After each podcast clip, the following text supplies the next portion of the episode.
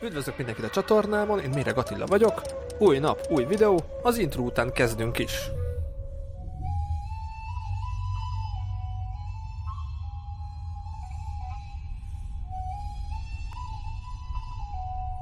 Szia Flóra, üdvözöllek a műsorban, nagyon örülök, hogy veled is összehozzuk ezt az adást. Sziasztok, köszönöm szépen a meghívást, és én is örülök, hogy itt lehetek. Vágjunk is bele, mert rengeteg kaland van hátad mögött, utazások, hátizsákkal, önkénteskedés. Hogyha így visszanézel ázsiai kalandodra, mik ugranak be, milyen szép élmények, amik, amikre szívesen visszagondolsz Ázsiából?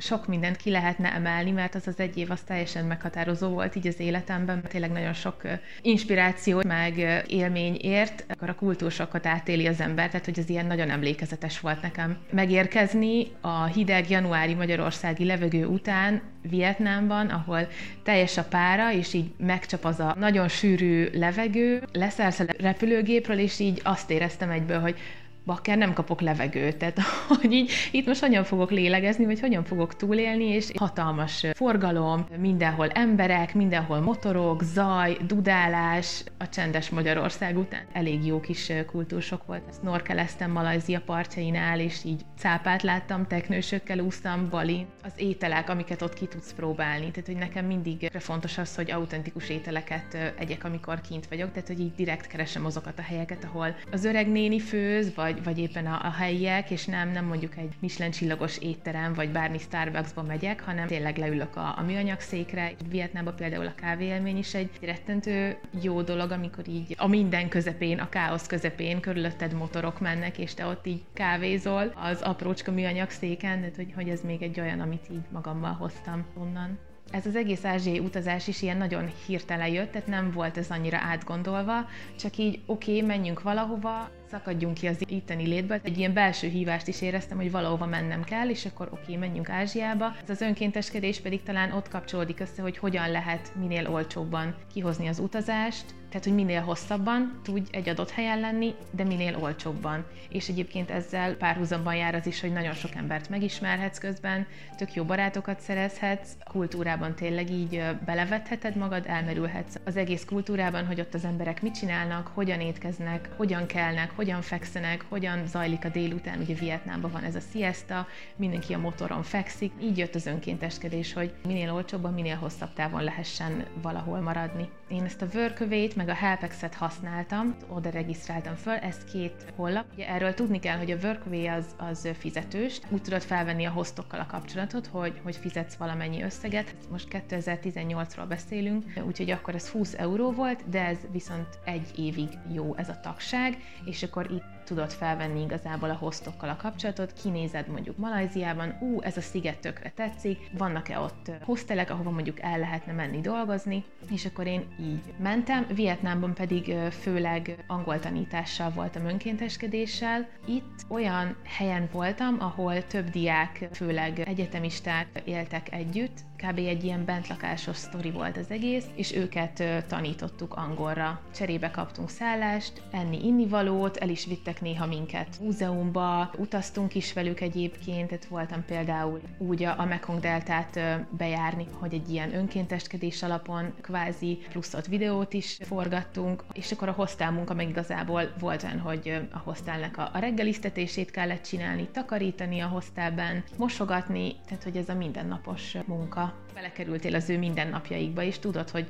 hogy hogy élnek, és nem mondjuk csak vendég vagy egy apartmanban, vagy egy szálláshelyen, vagy egy hotelben, ahol igazából mindent tesznek, hanem így te csinálod, és te vagy felelős azért, hogy mondjuk a többi ember is tök jól érezze magát. Úgyhogy ez egy nagyon rugalmas felállás is volt egyébként. Említetted, hogy mennyiféle ételt kipróbált, hogy említs meg nekünk párat ezek közül, amik nagyon extrém, nagyon különleges, nagyon furcsa volt.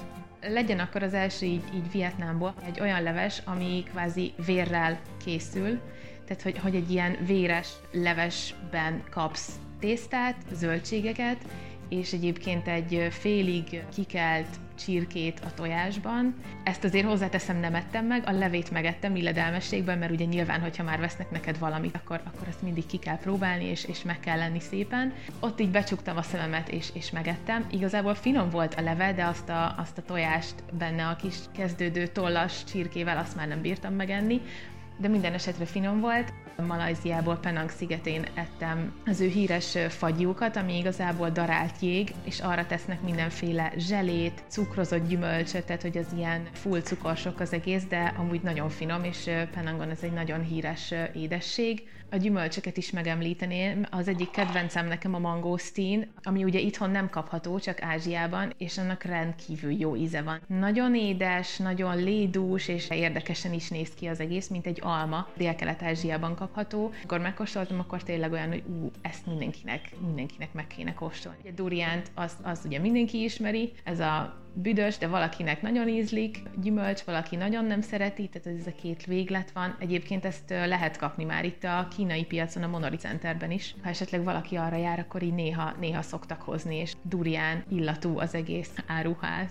Jelenlegi mindennapjaid most Magyarországról szólnak, hát az elmúlt időszakban Magyarországot fedezted fel, sőt a munkád is ezzel kapcsolatos, hogy az elmúlt egy éved az hogy nézett ki?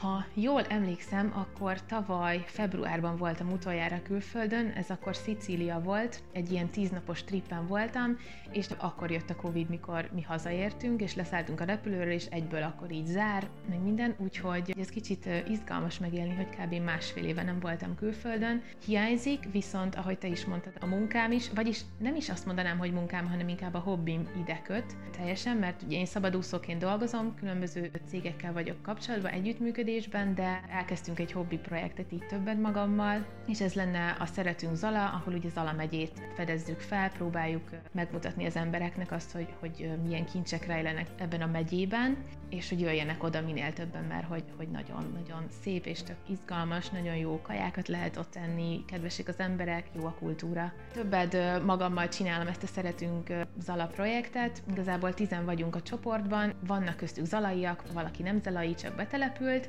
viszont ugye már ő is igazából így zalaivá vált. Egyébként van egy weboldalunk is, ez a szeretünkzala.hu, amit tudtok követni, olvasni, rengeteg cikk jelenik meg, hetente azért egy ilyen három-négyet meg szoktunk jelentetni, plusz Instagramon is ott vagyunk, és Facebookon is. Mindkettő a Szeretünk Zala névre hallgat. Hát gyertek Zalába, mert, mert tök jó, és, és, és egyébként közel van Szlovéniához is, meg Horvátországhoz is, Szerbiához is, úgyhogy nagyon jókat lehet ott túrázni, csodálatos a környék. Annyi kincs van ott, amiről még én is, aki egyébként ott születtem, és, és nagyon sok időt töltöttem, ott nem tudtam. És nagyon sok hely ismeretlen még számomra is, de azon vagyok, hogy, hogy minél több mindent felkutassunk. És ebben ugye benne van az, hogy nem csak az utazás, hanem interjú készítése, emberek megismerése, tehát hogy tényleg az egész kultúrát felfedezzem. Kicsit ilyen hazatérésnek is érzem egyébként, nap, sok élmény, kalandot kívánok a jövőre, gyűjts, gyűjts sok mindent, hogy hát ha majd ezeket is magaddal hozod a Bécsi előadásra, addig is jó egészséget kívánok és sok kalandot. Vigyázz magadra, buen camino! Köszönöm Attila ezt az interjút, tök jó volt, élveztem, és neked is minden jót, és remélem hamarosan találkozunk, meg veletek is. Sziasztok! Köszönöm szépen, hogy velünk tartottatok, találkozzunk holnap is, vigyázzatok magatokra, legyetek jók, ha tudtok, sziasztok!